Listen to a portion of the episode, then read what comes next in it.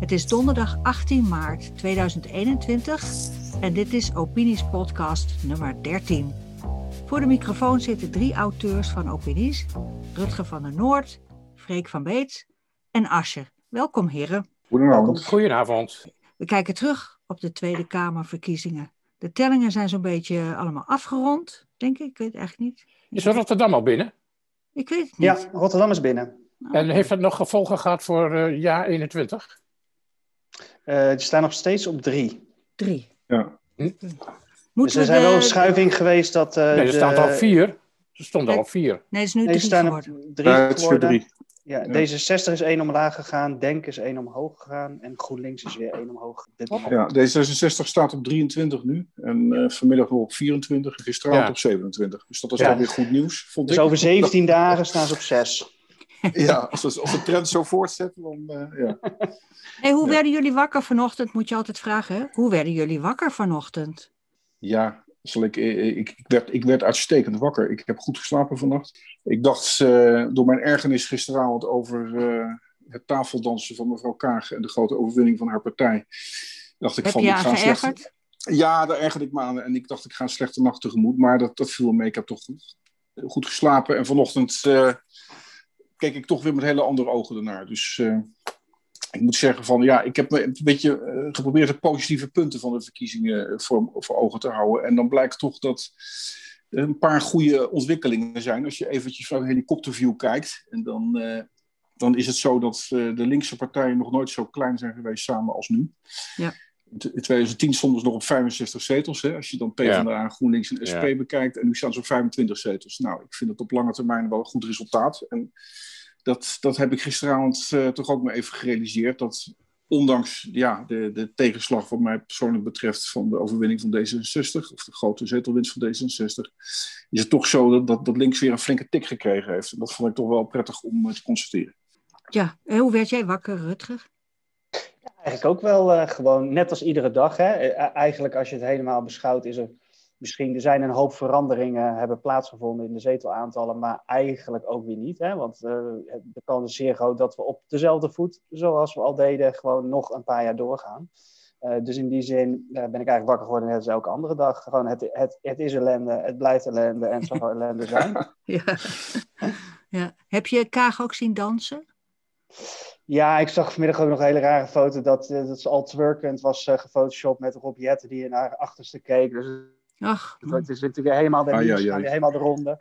Uh, maar nee, ik, uh, ik had het niet live gezien, of tenminste gisteravond wel een klein stukje. Maar nee, dat, ja, ik begrijp de uitzinnigheid. Ik bedoel, ze komt vanuit het relatieve niks en ze, ze, ze trekken er een aantal maanden aan met behulp van uh, de media, zeg maar. En dan maak je een mooie uitslag. Kijk, mij zegt het allemaal niet zoveel. Het is, uh, als je, ik, wat ik vooral waar ik over na zat te denken is, van de, deze verkiezingen zijn eigenlijk totaal niet over de inhoud gegaan. Het gaat steeds meer over de poppetjes. De inhoud zijn naar achteren. Omdat al die partijen eigenlijk stiekem toch wel een klein beetje op elkaar lijken. En dan Ja. gaat het natuurlijk ook steeds meer over mensen. En dan zie je gewoon dat de uitersten, zoals uh, Baudet aan de ene kant misschien en Kaag aan de andere kant. De ene, de verhevene, die uh, het morele leiderschap, stem op vernieuwd leiderschap. Het gaat ook totaal niet over de inhoud. Het gaat alleen maar over mevrouw Kaag. Ja. En dan wordt zij, Ja. ja. natuurlijk wordt daar dan gekozen. Want twee derde weten op afgelopen zondag nog niet wat ze moeten stemmen.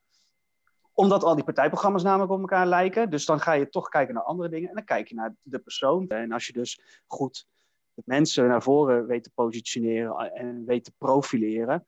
En uniek weet te maken en authentiek. Ja, dan krijg je denk ik uiteindelijk met een hele berg zwevende kiezers. Krijg je gewoon mensen achter je. Maar dat is allemaal heel vluchtig. Want over vier jaar kunnen er andere goden zijn opgestaan. En ben je alles weer kwijt. En het, de, de hele, het zwiept maar heen en weer, uiteindelijk op het midden, uh, tussen alle kartelpartijen. Ja, de ene Ja, maar- poppetje en het andere poppetje, maakt dat nog wat uit? Nou ja, wat, wat, wat, ik, wat mij vooral opvalt de, de, de laatste jaren is het zo'n beetje een beauty contest. Hè? Eh, als je de afgelopen verkiezingen bekijkt, we hebben de, de, Jan Marijn is op een gegeven moment heel erg hoog in de, in de peiling geweest. En eh, eh, de, zijn opvolger bij, bij de SP ook. Nou, toen, op een gegeven- toen ook kwam op een gegeven moment kwam, kwam Samson ineens op, naar, naar voren ook. Waarvan we dachten, waar komt die ineens vandaan? Nou, toen heb je Jesse Klaver die ineens eh, de peilingen zelfs naar, geloof ik, naar 18 uh, ging. En uiteindelijk op 14 terecht kwam naar, naar die, uh, die, die, die, die bijeenkomsten die hij organiseerde. Je hebt natuurlijk de opkomst van Forum gehad met een enorme opkomst. Was ook de nieuweling in het blok.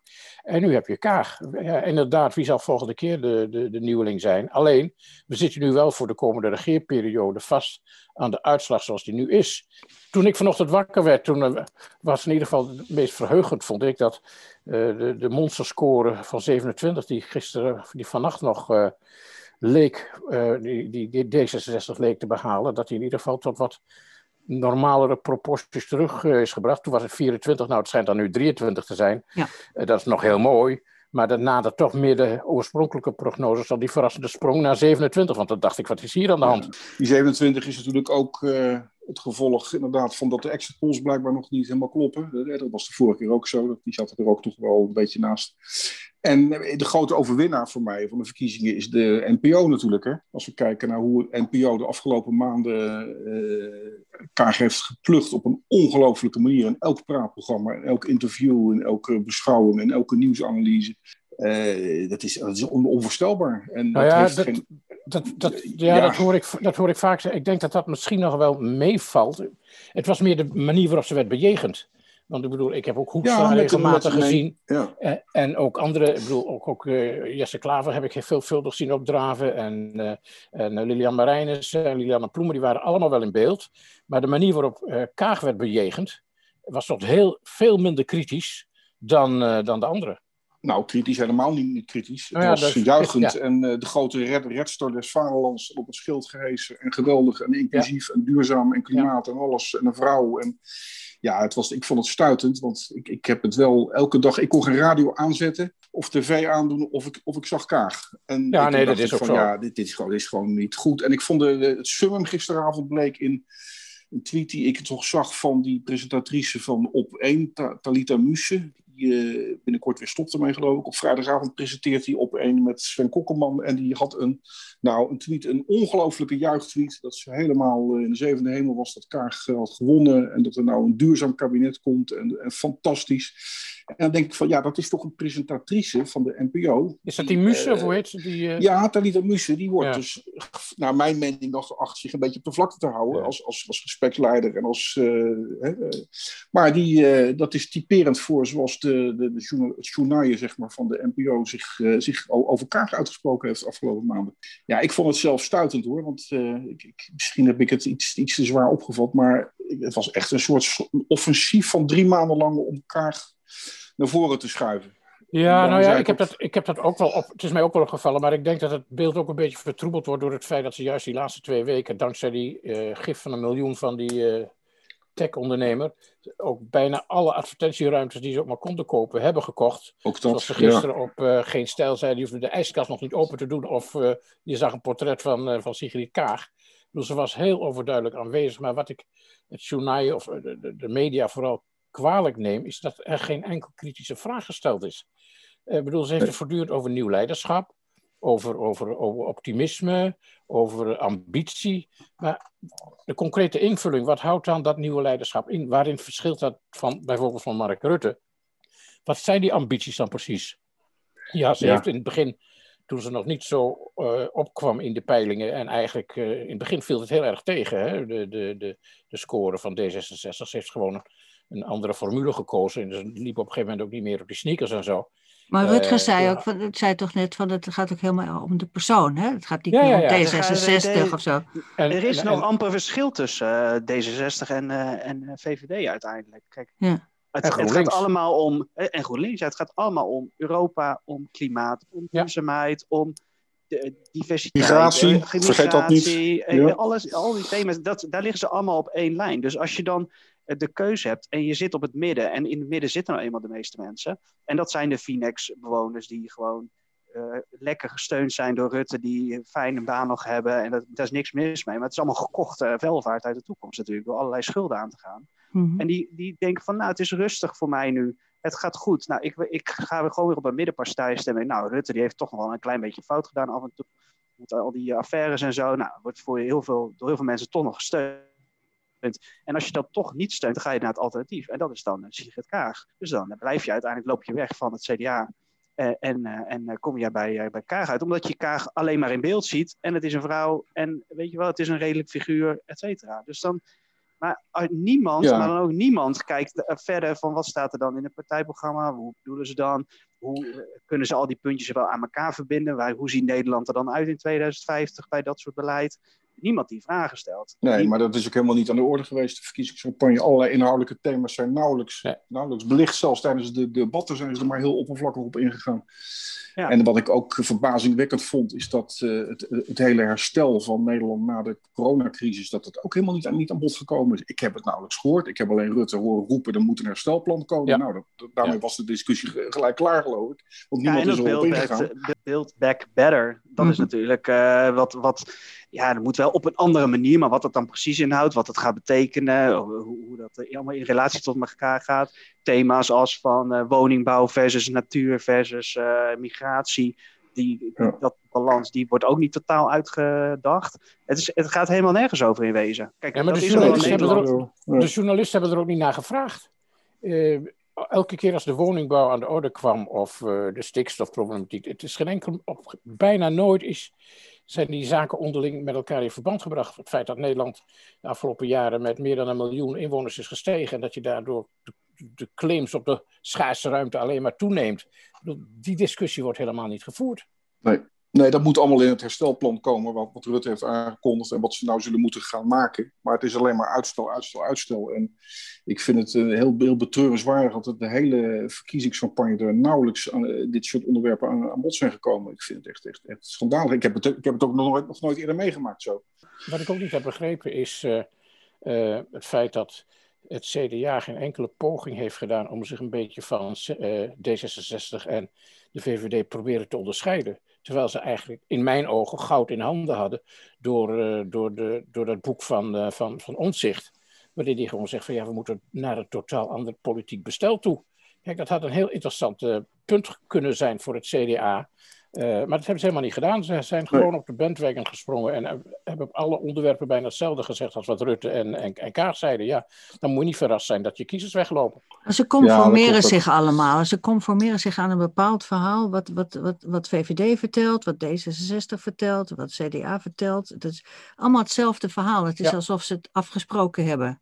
En historisch gezien, uh, sinds de jaren volgens mij 80 gemiddeld trendmatig af en toe een uitschieter daar gelaten, daalt het CDA-achterban met ongeveer drie zetels per kabinetsperiode, omdat er best wel wat oude mensen nog op stemmen die ook weer overlijden. Nou, dat je weet ik een, niet. Uh, je hebt een, de, de, zeg maar, de, uh, steeds minder mensen geloven nog, dus die, die, achterban die sterft langzaam ook wel een klein beetje uit. Ja, maar Balkenende heeft een keer een enorme, enorme verkiezingsoverwinning ja, klopt. gehad. Er zijn uitzonder, uitzonderingen daar gelaten. Zijn, Maar trendmatig, als je er doorheen kijkt, is, is, past dit op zich wel in het beeld van het CDA, dat ze eigenlijk gewoon niet meer meespelen.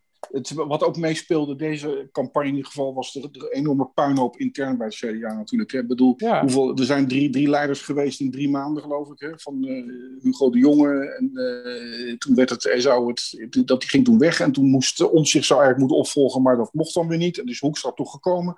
Hoekstra en Omtzigt zijn geen vrienden van elkaar. Dat zie je ook uh, elke keer als je, ze bij, bij elkaar in, als, je, als je ze bij elkaar in de buurt ziet. Omtzigt heeft hele andere opvattingen over de politiek die het CDA zou moeten voeren.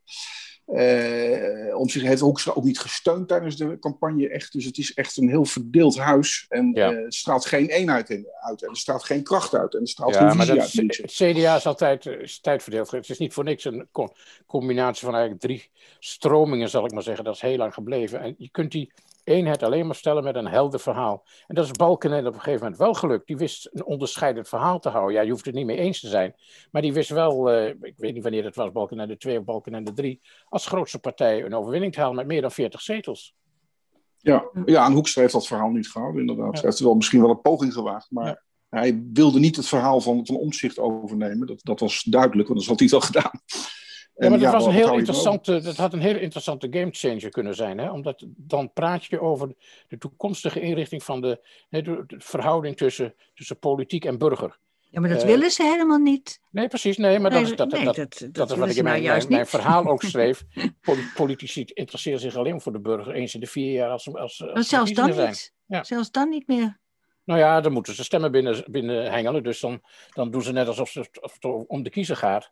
Maar vanaf morgen is de, is, is, is de kiezer vergeten hoor. Volgens mij zijn ze het al vergeten allemaal. Ja, want... deze verkiezingen is inderdaad maar weinig. Hebben ze echt maar weinig blijk gegeven van dat ze echt super erg geïnteresseerd zijn in de kiezer. Ze zijn allemaal bijna niet het land in geweest. Hè? Of een heel klein beetje of minimaal. In ieder geval heel anders dan dat uh, Baudet dat heeft gedaan. Daar kan je natuurlijk van alles van vinden. Maar je ziet, ik denk dat dat wel meespeelt aan, zijn, uh, aan de grootste overwinnaar van de verkiezingen. Dat hij het meeste zetels zit. Dat er gewoon het enthousiasme naar de mensen toe en luisteren en vertellen en vragen in ontvangst nemen. En echt uh, dat. Ja. Confrontatie aangaan. De andere, ja, misschien hebben ze af en toe een bloemetje weggebracht ergens in een uh, verdwaald dorp of zo. Maar echt heel weinig erop uitgegaan. En dat, dat, dat is ook wel ik vind dat heel erg zorgelijk, want het is inderdaad wat Freek zegt. Eén keer in de vier jaar even terug naar de kiezen en dan uh, weer even de, de zeteltjes ophalen en dan gewoon weer doorgaan met je grote internationaliseringsspel. Ja, maar ze hebben zich ook net, netjes aan de coronaregels willen houden natuurlijk. Al die politici, behalve, behalve Baudet dan. Dat speelde natuurlijk ook mee. Ja, dus maar je kan prima natuurlijk, uh, je kan natuurlijk prima gewoon buiten op een plein met, uh, met stipjes en uh, allerlei demonstraties ja, met 200 ja, man. Ja. Als, je echt, als, je de burger, als je de burgers echt serieus neemt en je wilt echt, zeg maar, diep gaan om je, je, dankbaarheid te tonen voor de verantwoordelijkheid die je krijgt om het land te dienen, want dat is wel feitelijk wat het is, dan zou ik daar maar beter mijn best voor doen dan dat zij doen. Ik vind het echt schandalig af en toe. Hè? Nou, wat mij ook verbaast is van dat, dat, dat, dat is met het hele verhaal van de toeslagenaffaire en alle andere schandalen, dat, die, dat we die gewoon hebben vergeven. Want de uh, VVD heeft nog meer zetels dan de vorige keer. Ik denk van, wat, wat, eh, wat zegt dit over Nederland eigenlijk, deze uitslag? Dat de VVD nog meer zetels heeft dan vier jaar geleden, na al die schandalen. Nee, dat mensen het niet, dat mensen het niet weten en dat er, dat er wel een, gewoon een heel groot vacuüm is van mensen die wel verandering willen, maar ze zien niet terug in de partijen die in het aanbod zaten iemand die aan die verandering kan voldoen. En dan ga, een verandering is ook altijd wel eng, hè, want mensen zijn veranderingsavers. Dus als je voor een verandering gaat, wil je ook wel zeker zijn dat die verandering goed is. En anders blijf je toch liever bij het stabiel, want je weet wat je hebt. Ook al ben je misschien niet tevreden. Het is een beetje als een heel slecht huwelijk eigenlijk je kan dan gaan scheiden. Maar heel veel mensen kiezen er toch voor om in die huwelijk te blijven zitten, omdat het toch ook een vorm van stabiliteit geeft. En ja, ik denk ook dat de crisis, Ja, die crisis inderdaad. Ja, nu met de crisis dat je ziet dat, uh, dat Rutte toch ons er zeg maar doorloodst op de meest brakke manier die ik maar kan verzinnen. Maar hij loodst je er wel doorheen. En dan voor mensen die niet echt veel verder kijken dan hun voordeur, Zeg maar. En gewoon de praatprogramma's volgen en niet al te kritisch zijn en ook niet op zoek gaan naar uh, vragen of antwoorden. Of zich überhaupt niet interesseren voor politiek of überhaupt niet voor tv, want ze deden Netflixen.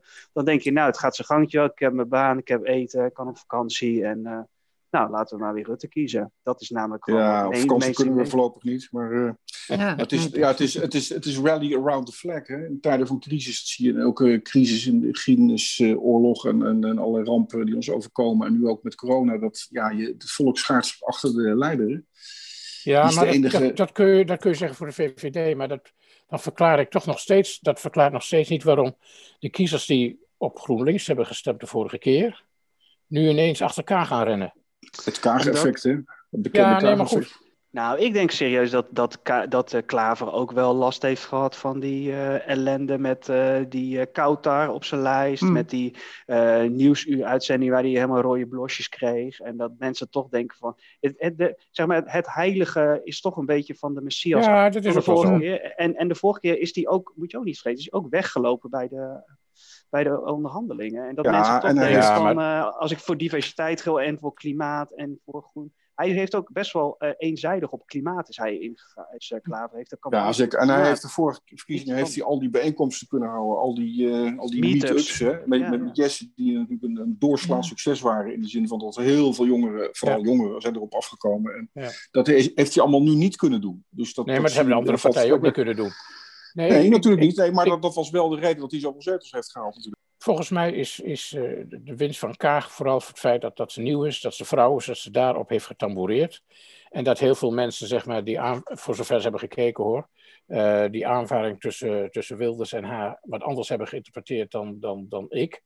He, ze vonden het allemaal heel keurig dat ze, dat ze Wilders uh, zo, dat ze zo fel om zich heen sloeg en zichzelf liet zien vanwege dat hoofddoekje. Maar er is niemand die, die haar daarna vroeg van ja, Nederland die gaat zich altijd praten op de, de mensenrechten en de vrouwenemancipatie. En dan gaat, ga je namens de Nederlandse regering in Teheran een, een, een, een, een, een, een hoofddoek omdoen. En dan kun je wel zeggen, het zijn de wetten van het land. Maar snap je, dus ja. ook daar is niet op doorgevraagd. Hoeveel mensen hebben dat debat dan gezien? Uh, nou, ruim 2 miljoen, denk ik. Maar het, is natuurlijk wel spraakmakend geweest. Hè? Ik bedoel, je hoeft het niet te zien. Maar er zijn zoveel programma's geweest waarin nog eens, dat, dat nog eens een keer herhaald is. Ik wou nog eens even vragen over de, over de verkiezing zelf. De, de stemprocedure, want die was ook anders deze keer. van, uh, je kon met de, door een straat rijden of je kon uh, post stemmen. Ja. En het was drie dagen in plaats van één. En, en wat is jullie mening daarover? Nou, ik vond op zich, kijk, afgezien van dat, dat, het, dat de overheid er op een of andere manier altijd in weet te slagen om hele simpele dingen heel moeilijk te maken met allerlei enveloppen en uh, die weer bij die en die dan niet bij die.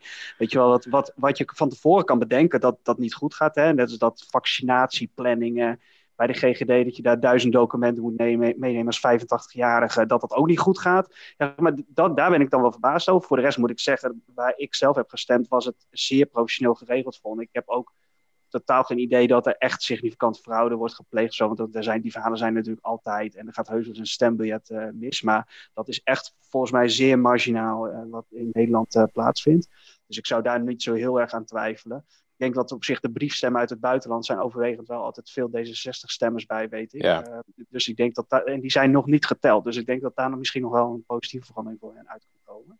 Maar over het algemeen, ja, uh, het is niet voor niks dat de verkiezingen doorgaan. Als we verkiezingen over een half jaar hadden gehad en die dreun van de economie uh, dreunt door, zeg maar, in uh, alles wat wij maar meemaken in Nederland, dan denk ik dat de, de rally around the flag uitkomsten wel eens heel anders zouden kunnen zijn. Dus vandaar dat ze denk ik flink hebben zitten pushen op laten we nu maar lekker doorgaan. Want dan, nou, wat, nou ja, ik heb in ieder geval, ik heb nu ik heb in ieder geval maandag gestemd. Ik heb de eerste dag dat het kon, ben ik, ben ik gaan stemmen. En dat was ontzettend rustig in het stembureau, moet ik zeggen. De deuren stonden open, want die moesten open blijven. Het was een beetje frisjes binnen, maar verder viel het allemaal wel mee. Maar ik heb er geen probleem mee dat ze het over drie dagen gespreid hebben. Ik begrijp alle, alle, alle gedoe erover ook niet zo. Dat het, er allerlei mensen die hadden heel veel bezwaar tegen. En, uh, ik denk van ja, als het eh, drie dagen of één dag, dat maakt allemaal niet zoveel uit. Als het maar volgens dezelfde procedures allemaal gaat. Nou ja, wat er wel gebeurd is, is dat dus die briefstemmen al geteld werden terwijl de stembureaus nog open waren.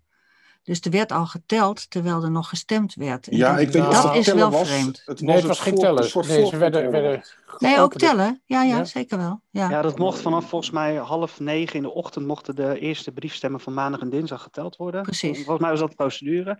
Ik weet niet of dat dan in hetzelfde stembureau ja. plaatsvindt, of ze dan die uitslagen rond gaan tetteren of zo. Dat nee, heb ik nee, niet gehoord, maar niet. Ik, ik, denk het niet. Hè. Dus dat, dus, en, en in wezen wat ik ook wil zeggen, als radicale democraat ben ik nog steeds wel trots op dat wij 82% opkomst hebben. En dan kan je ja. vinden van de uitslag wat je wil, zeg maar. Maar ik bedoel, je krijgt de kans, het is goed georganiseerd. Je kan, elke partij eh, kan zich inschrijven en meedoen als je volgens mij 11.000 euro hebt of zo. Uh, en en uh, dan kan je gewoon, kom je op het lijstje en dan ben je gewoon verkiesbaar. En dan kan je dus zoals de vele nieuwe bewegingen ook gewoon in de Tweede Kamer komen. En dat is wel een systeem wat in wezen prachtig is vanuit de Ja, nou ja, als ik, ik, ik vond het uitstekend georganiseerd, althans in mijn, mijn gemeente. Ik ben dinsdag gaan stemmen. Uh, het was redelijk druk, maar ik hoefde niet lang in de rij te staan. Het was daar heel goed georganiseerd. Mm. Uh, ik had ook geen problemen met het feit dat er over drie dagen gespreid werd. Ik heb wel het probleem met het feit dat nog in die dagen de politieke debatten plaatsvonden en dat er ook nog steeds gepeild werd. Dat vind ik niet goed. Ik vind eigenlijk zouden we naar het Franse systeem, ik geloof dat het in Frankrijk zo is, dat je een week voordat de verkiezingen plaatsvinden niet meer mag peilen. Want uh, zeg maar de, de, debatten die op maandag en dinsdag nog op televisie plaatsvonden, die zijn ontzettend, uh, waarschijnlijk heel erg invloedrijk geweest. Omdat als je de peilingen van afgelopen week zag en je zag de, de, de uitslagen nu, er is in die korte periode heel veel gebeurd. En dat heeft toch te maken met het feit ja. dat er nog die avonden uh, allerlei strekkers, of uh, in ieder geval van de grote partijen, nog met elkaar in debat waren. En op dat moment waren de stembureaus al open en hadden mensen al A per brief gestemd. En B hadden ook de, de, de 70-plussers en de mensen die, uh, die, tot, die zich tot de kwetsbaren rekenen, hadden ook al een stem kunnen uitbrengen. Dus ik ben, eigenlijk, ik ben er eigenlijk voor om het, het peilen een week voor de, voor de daadwerkelijke verkiezingen te stoppen. Ja, dat scheelt misschien een paar zetels, maar veel zal er toch niet zijn? Nou. Ik denk ook niet dat je het helemaal meer, meer kan voorkomen uiteindelijk in deze transparante wereld. Want, je, want iedere Je kan dat met enorme boetes misschien proberen te doen, maar ik weet niet hoe dat in Frankrijk is geregeld. Maar eh, op eh, social media en je kan zelf natuurlijk gewoon een uh, ja, dat kan systeem allemaal. Ja. allemaal organiseren, weet je wel. Dus dat de officiële, de ANP's en de kantars en de INO, dat die allemaal dat niet meer doen, dat, daar is misschien nog wat voor te zeggen of een opdracht van. Ik denk nog steeds, ja, uiteindelijk vraag ik me af of mensen echt naar de peilingen kijken om hun stem ergens op te baseren. Volgens mij is het meer dat mensen van, tegen elkaar op een gegeven moment die laatste paar dagen heel veel gaan praten. Wat ga jij dan stemmen? En dat het een soort sociaal gebeuren wordt van... Uh, nou, het maakt wel uit voor de flow. Want die flow wordt natuurlijk ook heel erg gevoed door wat in de media gebeurt. Hè? Kijk, het feit dat, uh, dat Kaag ineens in, in anderhalve week, misschien nog een week, D66 tilt van, wat is het, 16, 17 zetels in de peilingen naar uh, 4, 25... Uh, dat is voor een deel ook gebeurd door het feit dat er dus in de media van alles gebeurde. Ja, ja dat, dat de suggestie werd gewekt van willen we PVV op de tweede plek of kan D66 ja, ja, op de tweede plek komen? Dat, Een soort race werd dat, hè? Ja, Maar uiteindelijk, kijk, als je kijkt naar de uitslag en je vergelijkt dat met hoe je Nederland dan feitelijk moet bezien, denk ik, als je puur naar die uitslag kijkt, want de, de kiezer spreekt, dus die spreekt wat mm-hmm. mij betreft de waarheid, dan zie je gewoon een heel erg liberaal geïndividualiseerd land eigenlijk hè, aan de top. Dat zijn de grote partijen. Met daarnaast een blok op, uh, op rechts, zeg maar. Uh, wat mensen dan radical right noemen. Daar kan je nog natuurlijk van vervinden wat je daar allemaal bij schaart. Maar in ieder geval een blok van zeg maar 15, 20 procent wat op rechts. Zeg maar. En daar een blok op links. En die middenpartijen, ja, die, die doen een stuivertje wissel. En de conventionele, dat verschijnt naar de liberalen en de geïndividualiseerde. En in, de, in die zin is dat wel een spiegelbeeld, denk ik, van wat de maatschappij nu is. Het is meer ik, ik, ik. Meer egocentrie, minder verbinding in de samenleving, meer verschaling.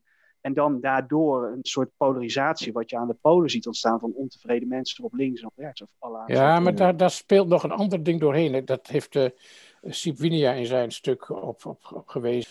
Uh, dat is die, die, die tweedeling die je gaat krijgen tussen stad en platteland. Uh, zeg maar tussen de, de stedelijke globalistische levensvisie, hè, die D66 voor een belangrijk deel uitstraalt en voor een belangrijk deel ook de VVD. En de, de, de wat behoudender uh, visie die je op het platteland heel sterk ziet. Het feit dat die boer-burgerbeweging in het oosten uh, behoorlijk wat stemmen wist Ja, het is allemaal afgevlakt omdat natuurlijk in de stad niemand op zo'n club stemt. Maar dit is wel teken voor hoe Nederland zich aan het ontwikkelen is. Er zijn sociale contra contrasten die, die, die denk ik veel sterker zijn dan wij hier in, uh, in, ons, in, in, ons, in onze eigen bubbel vermoeden. Ja, maar je ziet wel dus aan de andere kant natuurlijk dat in de krimpregio's, wat het dan misschien zijn, of de randen van Nederland, dat daar nog steeds de VVD verreweg de grootste partij is. Ja. Want bijna het hele plaatje van het land is volgens mij blauw gekleurd als je dat ziet wat de grootste partij per gemeente is. Dus onderliggend van dat natuurlijk wel, maar de mensen in die gemeente, die zijn, dat zijn geen zeg maar uh, mensen van normen en waarden meer die in een plattelandsdorp. Het zijn ook mensen die gewoon primair zeg maar, meer aan zichzelf denken die voor zichzelf ja. leven en daar, daar op ja, kiezen. hallo, of voor zichzelf leven. Iedereen leeft, leeft voor zichzelf en voor, en voor zijn naasten. Dus dat is op zich niet zoveel nieuws, denk ik. Je, je gaat niet voor uh, 100% voor, voor anderen leven. Dus dat vind ik wat psychologiseren. Ik weet niet of dat nou allemaal klopt. Nou ja, je was, las vandaag las ik een stuk van Bas Heijnen. Dat was op zich wel interessant. Vond, dat de, de, de maatschappelijk geslaagden hebben eigenlijk de verkiezingen gewonnen. En de maatschappelijk minder geslaagden, die veel voor sociale ongelijkheid zeg maar, bij links uitkomen, hè, bij de SP en dat soort partijen. En de misschien wat meer de mensen die kritiek hebben op de internationaliseringskoers van de, ja. van de overheid, die ja, op rechts zitten, ja. dat, dat zijn eigenlijk nu de, zijn continu misschien wel de verliezers van de verkiezingen. En die, ja, nu is het wederom, is dat een soort van uh, onderstreept. Uh, nou ja, dat, dat, bedoelde ik eigenlijk te zeggen. Die, en, en kijk, de, de, de spraakmakende gemeente, die uh, spraakmakende mensen zeg maar, die dat globalistische gevoel als het ware uitdragen, die gaan, die gaan stemmen. En die stemmen op onder andere D66. En de mensen die zich daartegen afzetten en zich daar niet bij thuis voelen, die gaan of niet stemmen. dat is ook nog altijd een kleine 20 procent. Uh, dat is toch een van de grootste partijen. Uh, of stemmen op, ja, op, op zal ik maar zeggen.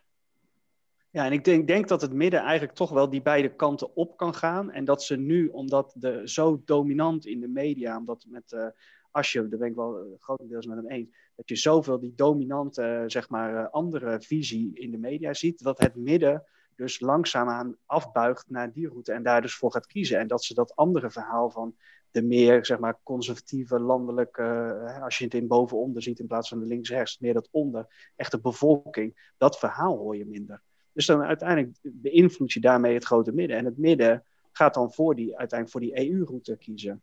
Uh, en, uh, en die klimaatroute. En globalistisch. Glo globalistische nee, koers, zeg maar. Ja. Moeten we niet even over de toekomst hebben? Hoe gaat het allemaal verder nou? Wat gaat er gebeuren in de formatie? Ja, zullen we wat koffiedik gaan kijken? Ja, dat lijkt me ontzettend Ja, laten we eens wat koffiedik gaan kijken. Wat, uh, wat, hoe, hoe, lang gaat de formatie duren, denken jullie? Kort. Heel kort. kort. Is ja, het al klaar misschien? Is het eigenlijk al klaar? Nou, klaar niet. Maar kijk, de, als, je, als je mij vraagt, denk ik dat, uh, dat je toch een kabinet CDA, D66, VVD krijgt. Die zullen net de meerderheid niet hebben. En dan is de keuze voor, kiezen er nog een partij bij? En moet, dat dan de, dan de ChristenUnie zijn of een partij aan de linkerkant, PvdA bijvoorbeeld? Of, ChristenUnie is toch ook een beetje linkerkant? Ja, nee, maar goed, maar die, die, die betrek, daar hebben ze de afgelopen jaren ervaring mee gehad. Hè, dus die, die kennen ze. En met de, als ze met de PvdA in zee gaan, dan moet je nog maar afwachten. Want de PvdA die is ja, heeft wel kijk, verloren. D66 die, uh, was niet echt uh, heel tevreden over de samenwerking met de ChristenUnie, vooral op allerlei levensbeschouwelijke onderwerpen. Nee, maar daar, daar, kun, daar, kunnen ze uitkomen. Daar zijn afspraken over gemaakt om, daar, om die niet in een regeerakkoord of zoiets vast te leggen, maar dat dan tot een soort vrije kwestie te maken. Uh, maar ik denk Ja, dat, dat de, ja. optie van een minderheidskabinet moet je ook niet uitsluiten. Nou, ik zie in, in, de, in de aanwijzing van de verkenners die we vandaag hebben gezien, dus dat eh, mevrouw Jorisma van de VVD en Ollengren van D66, zie ik toch wel een voorteken. Kijk, Jorisma is, behoort tot de linkervleugel van de VVD, echt. Eh, heel, heel duidelijk. Dat is eh, de meest eh, liberale vleugel, de meest linkse vleugel, om het zo maar te zeggen. En, Globalistische? Ik denk dat, Is zij globalistisch? Ja, in ieder geval veel sympathie ook voor, voor de PvdA en voor D66. Dus ik denk dat de, de keuze van Jorisma al aangeeft dat ze toch uiteindelijk bij de PvdA uitkomen. Want ik denk dat ze inderdaad een vierde partij erbij moeten halen, want ze komen net niet aan de meerderheid met de drie partijen, met D66, VVD en CDA. Dus ik denk zo'n beetje dat PvdA erbij gevraagd zal worden. Die heeft niet Maar verloren. dan hebben ze de Eerste Kamer toch nog geen meerderheid? Nee, maar dat hoeft ook helemaal niet. Daar ben ik helemaal niet van overtuigd dat dat nou zo nodig is. Want dat was de afgelopen twee jaar ook niet. En Rutte heeft alles door de Eerste Kamer heen gekregen. Door gewoon, afhankelijk van het onderwerp, een coalitie met een één of meerdere partijen aan te gaan daar. Ja, maar goed, dat zou, dat zou dus nu ook bij wijze van spreken in de Tweede Kamer kunnen. Want die Tweede Kamer is nu zo verdeeld met 17 partijen. dat dat best een interessante optie is. Ja, maar daar is het niet. Kijk, hij wil zeker zijn van de Tweede Kamer. Dan moet je de wetgeving van elkaar krijgen. En de Eerste Kamer, die kan je bewerken. Die is wat afstandelijker. Die gaat wat van de helikopterview eroverheen. En ik denk dat hij, dat hij die zekerheid in de Tweede Kamer hebben wil. Dat hij daar echt een meerderheid wil hebben. En dat hij in de Eerste Kamer gewoon, eh, ja, improviserende wijze per onderwerp wel een meerderheid bij elkaar krijgt. Maar denken jullie dat, wat, wat is de reden dat de PvdA mee zou willen doen? Precies. Wat, en en Eh. ook, nog, nog, misschien nog één stap daarvoor. Wat, wat is de reden dat het CDA mee zou willen doen? Ik denk dat het nog best wel eens lang kan duren. Want eigenlijk, uiteindelijk heeft het CDA een soort van de sleutel in de handen. Want VVD en D66 die moeten wel regeren, want dat zijn de grootste partijen en de winnaar. De, CDA hoeft niet per se, dus die kan allerlei eisen op tafel gaan leggen. Zullen ze ook doen, hè? Zullen ze ook, moeten doen, doen. ja. Ja. Zullen ze ook moeten doen, hè? want ze hebben gewoon een hele slechte verkiezingsuitslag eigenlijk. Dus ze moeten iets weer voor hun achterban weten te bewerkstelligen dat bij de volgende verkiezingen ze dat kunnen gaan claimen. Dus ik, ik denk dat dat nog best wel eens een tijdje kan duren. Dat eh, het CDA helemaal Ja, niet zo snel overtuigd is van... eh, zit- klopt, ze zitten in een sleutelpositie, maar ze hebben ook, eh, dat zegt Hoekstra altijd tenminste, en dat zeggen de andere mensen van het CDA ook, ze hebben een verantwoordelijkheid voor het land en deze crisis en ze willen de zaak niet in de steek laten. Dus ik zie toch uiteindelijk wel dat ze overstag gaan, maar ze zullen eisen stellen en ja, ze zijn nodig in ieder geval. En eh, die positie zullen ze ook uitbuiten. Maar je mag toch hopen dat er enige strategisch vermogen binnen het CDA zit, die, die dan ook beseffen dat ze over vier jaar helemaal uitgespeeld zijn. Of in ieder geval met een goed plan moeten komen. Net als dat de PvdA nou eindelijk eens een keer naar de Deense socialisten moet gaan kijken om, het, eh, om de link te gaan leggen tussen migratie en de verzorgingsstaat. En dat, dat, dat ze dat verhaal eens eindelijk een keer gaan, eh, gaan eh, of over de bühne gaan brengen. Want daar, dat is namelijk een unieke positionering wat, het SP, wat de SP niet durft. GroenLinks al helemaal niet. eh, eh, de PVV Ah, PvdA daarmee ook winnen. niet. PvdA durft PvdA het waarschijnlijk ook Nee. niet. Maar, nee, maar die gaat dat niet doen. dat zou het enige antwoord zijn om hier uit te komen. Nee, dat durven ze niet. Eh, kijk, de, de, de, de, ach- de, de, de achterban van de PvdA is zo sterk ver- verintellectualiseerd, zal ik maar zeggen. Eh, die lijken meer op GroenLinksers dan, eh, dan de oorspronkelijke Sociaaldemocraten. Eh, maar op, op, op het punt van. Ik, ik denk dat het CDA wel, eh, wel in zee gaat. Ja, want uh, een oppositierol of niet meedoen betekent. Ligt ze niet. het ligt ze gewoon niet. Een oppositierol. Nee, dan zakken ze waarschijnlijk weg. En door mee te doen ben je nog zichtbaar. Ja, en ik zag ook het debat tussen Ollongren en Lilian Ploemen. Dat was ook heel tekenend. Dat waren twee hartsvriendinnen van elkaar, zo leek het haast wel. Die elkaar vertrouwden en elkaar heel vriendelijk omzichtig behandelden. En aardig waren en elkaar steunden ik denk van nou, dat is al een voorteken dat ze elkaar wel zien zitten en dat ze ook in de politieke samenwerking elkaar wel zullen vinden. Ja, maar dan moet je ook, moet je ook afvragen of de VVD dat zal willen. Ik bedoel, Rutte heeft steeds gezegd dat hij geen linkse wolk uh, naast zich wil hebben. Ja, wat Rutte zegt en wat Rutte doet, hè? Ja, maar goed. Ja, dat, dat is twee, ja. Nee, ik verwacht, ik, nou ja, ik, ik, denk, uh, ik, ik denk, als je nog vraagt wat voor kabinet komt, dan is het wat mij betreft CDA, uh, D66 en VVD met misschien... Met iets erbij. Met, met ChristenUnie, of, of een minderheidskabinet. Dat zou me helemaal niet verbazen. En hoe stabiel gaat het worden? Zijn we over twee jaar weer aan het stemmen? Of, of wat gaat Die kant zag ik wel, uh, er komen volgens mij, wat was het nou, drie parlementaire enquêtes aan en een ja. enorme bezuinigingsgolf. Dus het gaat wel spannend worden, ja. Ja, ja dat gaat rommelen. Dat gaat van begin af aan uh, hard tegen hard. Dat zal je zien. Dat in het begin niet. Ik denk de eerste paar maanden niet. Maar na de zomer, als de plannen allemaal duidelijk worden, als die enquêtes ook aan de gang gaan, ja, dan, dan, dan begint het gedonder natuurlijk. En dan, ja. uh, ik zie ze ook niet de rit afmaken, zeker niet. Dat, dat gaat niet gebeuren. Maar, uh, maar ja, Rutte is heel behendig en misschien dat hij het toch weer voor elkaar krijgt. Ja. moet niet vergeten, D66 heeft nu een mooie score, 23. als ze daarmee een, een, een, een voet, misschien wel twee voeten in de deur hebben, dan zullen ze ook wel proberen om daar vast te houden. Ja, alles om te voorkomen dat, ja. uh, dat de rechts nog groter wordt. Ja, bijvoorbeeld. ja K gaat voor, uh, natuurlijk voor uh, het torentje de volgende verkiezingen. Ja. Dus die zullen heel cocky zijn zeg maar, in het kabinet en zeggen het kaas niet van het brood laten eten. Ja, maar dan is de bom alweer de ronde. Dat wordt ja. een concurrent voor Rutte natuurlijk. Direct. Ja, precies. En dan begint het spel. Want Rutte, ja. kijk, iedereen die met Rutte in aanraking komt, die uh, sneuvelt, om het zo maar te zeggen. Alle concurrenten weet hij altijd weg te werken. Dus ik denk dat daar nog wel iets gaat gebeuren. In de zin van dat als Kaag te populair wordt of te veel de aandacht naar zich toe trekt, dan, uh, dan zal haar iets, een, een streek geleverd worden, denk ik. Zou ze minister van Buitenlandse Zaken worden? Ja, dan wordt ze met, met een of ander onmogelijke klimaatplan naar Brussel gestuurd of zo. Van ga je maar regelen dat daar uh, geld voor vrijkomt of zo. En dat lukt natuurlijk niet. Nou ja, dan. Uh, dan nee, maar de is het, Brussel, is, is, het Brussel is, is hè? Dus. Ja, natuurlijk. Nee, maar goed, ze, zal, ze kan natuurlijk, als, kijk, als zij vicepremier wordt uh, belast met, uh, met klimaataangelegenheden, want daar heeft ze zich enorm op geprofileerd de laatste, laatste weken, dan uh, zal ze toch dat, dat gesprek moeten voeren daar in, in, in Brussel. Nou, maar ik wil alleen maar zeggen van dat, dat, zij, dat Rutte niet zal tolereren dat er in het kabinet een concurrent voor zijn nee. positie opstaat. Dat zal hij niet tolereren, maar hij zal dat ook zo behendig weten te spelen dat dan hij als winnaar uit de strijd komt. Dat is tot nu toe elke keer gelukt en dat zie ik hem weer lukken namelijk. Goed jongens, de rest is uh, koffiedik, denk ja. ik. Het is allemaal koffiedik, ja. ja. Hey, rond uh, het eind van de maand dan hebben we een nieuwe Kamer. Met ja. uh, 17 partijen of zo. Sylvana Simons. Ja, misschien hè? Dus, nee, moet... zeker. Ja, is dat dan rond? Want de officiële of tellingen zijn natuurlijk pas nee, maar, 26 ik, ik heb me maart. Laten vertellen, ik heb me laten vertellen dat ze dat uh, er zoveel stemmen op, uh, zijn uitgebracht dat het waarschijnlijk wel dat dat, dat dat niet meer ter discussie hoeft te staan. Okay, maar goed, okay. het kan allemaal nog nou, veranderen. Maakt niet uit. Ja. Maar goed, tot, tot die tijd moeten we even afwachten wat er gaat gebeuren. En dan in uh, eind maart hebben we een nieuwe Kamer. En dan, dan begint het. Dan begint het. En dan begint het gedonder. Ja, precies. Ja. Nee, dan, gaan, dan kabbelen we gewoon door met waar we nu mee bezig zijn. Ja, toch verandert niks, hè, toch? Nee, nee. Dat, ja, het precies. kartel regeert door. Ja, zo is het. Ja, dat is één ding wat zeker is. Ja. Iets sterker de oppositie misschien, maar we zullen ja, zien. Hartelijk bedankt voor dit gesprek. Uh, we zijn heel benieuwd wat er de komende weken gaat gebeuren. We houden in ieder geval de vinger aan de pols. Bedankt. Oké. Okay. Nou. Dit was de podcast van Opiniescom. Opinies met een Z. Voor de nieuwste bijdragen en columns over politiek en maatschappij in binnen- en buitenland. Het is helemaal gratis